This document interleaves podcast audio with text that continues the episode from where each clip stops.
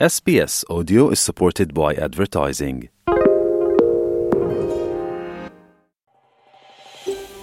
ඔබ රැඳී සිරින්නේ SBS සිංහල සේවය සමකෙන් වැඩිතුර තොරතුර දැනැනීමට පිවිසන්න ps.com.ta/ සිංහල වෙපඩවයට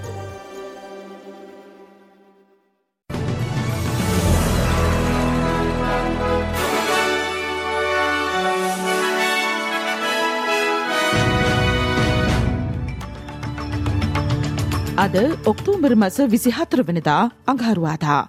SBS සිංහල සේවේ ප්‍රෘතිගෙනන මම දිනේශාදිල් රුක්ෂී විජයසූරිය.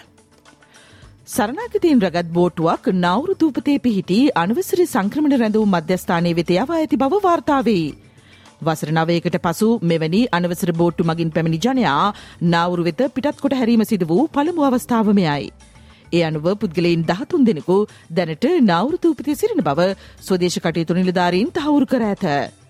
කෙසේ නමුදු එම බෝට්ටු පැමිණියේ කුමන රටෙන්ද එම පිරිසාතර කාන්තාවන් සහ ළමයින් සිටී දයන්න පිළිබඳව ස්වදේශ කටයුතු දෙපාර්තමේන්තුව විසින් සෙනට් සභාව වෙත පැවසීම ප්‍රතික්ෂේප කොට තිබේ. පැපුවනියුගිනි රාජ්‍යයට අයත් මානුස්තූපතේ රඳවනු ලැබ සිටි අනවසර සංක්‍රමණිකෙන් හැට හතර දෙනෙකු ඉවත් කිරෙන බව පැපුවනියුගිනි රාජ්‍යයේ සංක්‍රමණ ප්‍රධානී ස්ටෑනිස් හුලාහවු පවසයි. ඉන් බහුතරයක් නවසීලන්තේ වෙත පිටත් කොට හැරෙන අතර රෝගී තත්වය පසුවන්නන් ප්‍රතිකාර සඳහා ඔස්ට්‍රේලියාව වෙත පිටත් කර හැරෙන බවද ඔහු පවසායේ. මානුස් දූපතේ සරනාගත රැඳවූ මධ්‍යස්ථානය නීති විරෝධී බවට පැපවා නිවගිනී ශ්‍රේෂ්ඨාධීකරණය තීන්තු කිරීමෙන් පසුව දෙදහස් විසියක වසරේදී ඔස්ට්‍රේලියාව පැපවා නිවගිනි රාජ්‍යය සමඟ ක්‍රියාත්මක කරන සරනාගත රැඳවුම් ප්‍රතිපත්තිය නිමා කොට තිබේ. ඔස්ට්‍රේලයානු ආර්ථිකයේ සහ ප්‍රජාවේ අත්‍යවශ්‍ය සහ නිශ්ිත කාර්භාරයන් සඳහා මෙරට කාන්තාවන් පිළිගැනීමට ලක්විය යුතු බව ඔස්ට්‍රේලයානු කාන්තා ආර්ථික සමානතාකාර සාධක බලකාය සභාපති සෑම් ඔස්ටින් සඳහන් කරයි. ඔස්ට්‍රේලියාවේ ස්ත්‍රීපුරුෂ සමාජ අසමානතාව අවම කිරීමේ දස අවුරදු සැලැස්මේ කොටසක් ලෙසට නිර්දේශ හතක් ඉදිරිපත් කරමින් කාරසාධක බලකාය ඊයේ දිනේදී සිය අවසන් වාර්තාව ලබාදී ඇත. ඔස්ට්‍රේලියාවේ පිරිමින් සහ කාන්තාවන් අතර ආර්ථික අසමානතාවය නිසා මෙරට ආර්ථිකයට වසරකට ඩොල බිලියන එකසිය විසි අටක් අමතර ප්‍රතිපාදන වැය වන බව වාර්තාව මගින් සොයාගෙන තිබේ. ගාසාතීරයේ සිරවී සිටින ඔස්ට්‍රේලයානුවන් හැත්තෑ හත් දෙනෙකු ආපසු ඔස්ට්‍රේලියාවට ගෙන්වා ගැනීමට මධ්‍යම රජය ජාත්‍යන්තර ප්‍රජාව සමඟ සමීපව කටයුතු කරමින් සිටී. තවමත් ගාසාතීරයේ රැඳී සිටින ඔස්ට්‍රේලයානුවන්ට ඊජිප්තුවේ දකුණුමායිම වෙතයාමට දිරිමත් කරන බව ඔස්ට්‍රේලයානු ආරක්ෂකාමාත්‍ය රිචට් මාල්ස් පවසයි. එහි බොහෝදුරට මානුෂීය කොරිඩෝවක් විවෘත කිරීමට ඉඩ ඇති බවද ඔහු සඳහන් කරායේ. Look, we're working very closely um, with them. Obviously, they're in a very difficult situation.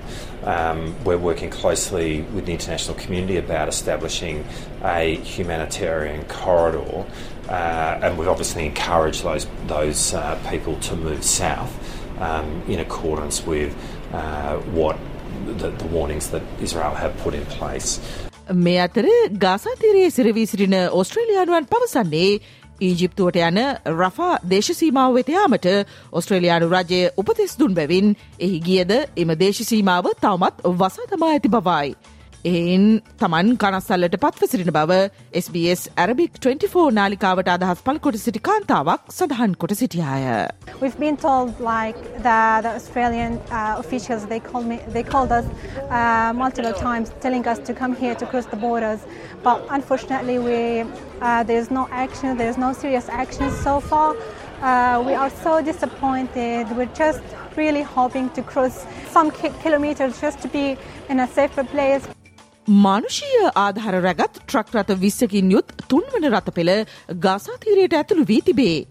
මෙම ට්‍රක් රථවල ආහාර ජලය ඖෂධ සහ වෛද්‍ය සැපයම් රැගෙන යන නමුත් ඉන්දන රැගෙනයාමක් සිදුනවන බව එක්සජාතින්ගේ සංවිධානය සඳහන් කරයි. ගාසාතීරයේ ජනගහනයෙන් අඩකට ආසන්න මිලියන එකයි දශම හතරක පමණි ජනතාවක් මේ වන විට අවතැන් වී ඇති අතර ඉන් බොහෝ දෙනෙක් එක්සජාතීන්ගේ නවාතැන්වල රැකවරණය පතා සිරින බව එක්සජාතීන්ගේ මානුෂීය කාර්යාලය පවසායේ.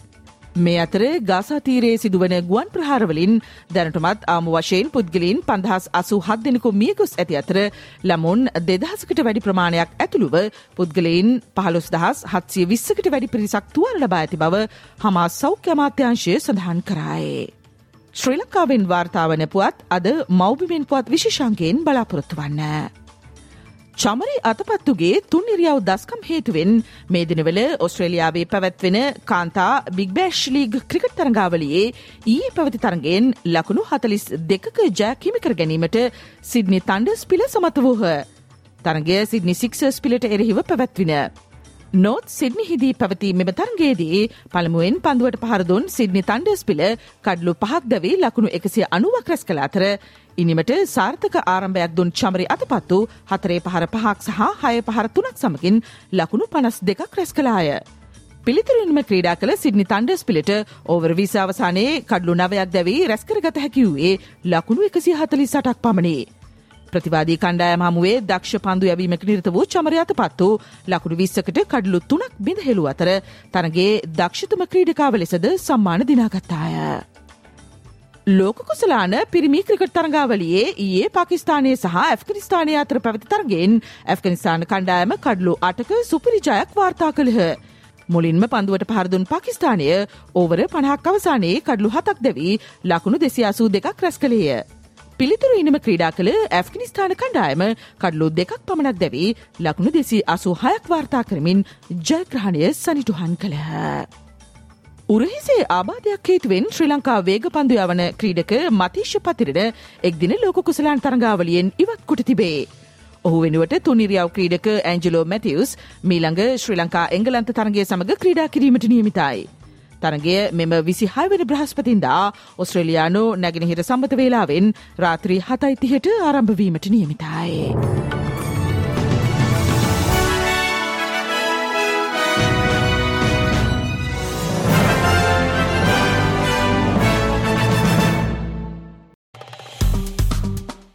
ලයි කරන්න ෂයා කරන්න අදහස් ප්‍රකාශ කරන්න SBS සිංහල ෆස්බුක් පිටුව ෆලෝ කරන්න.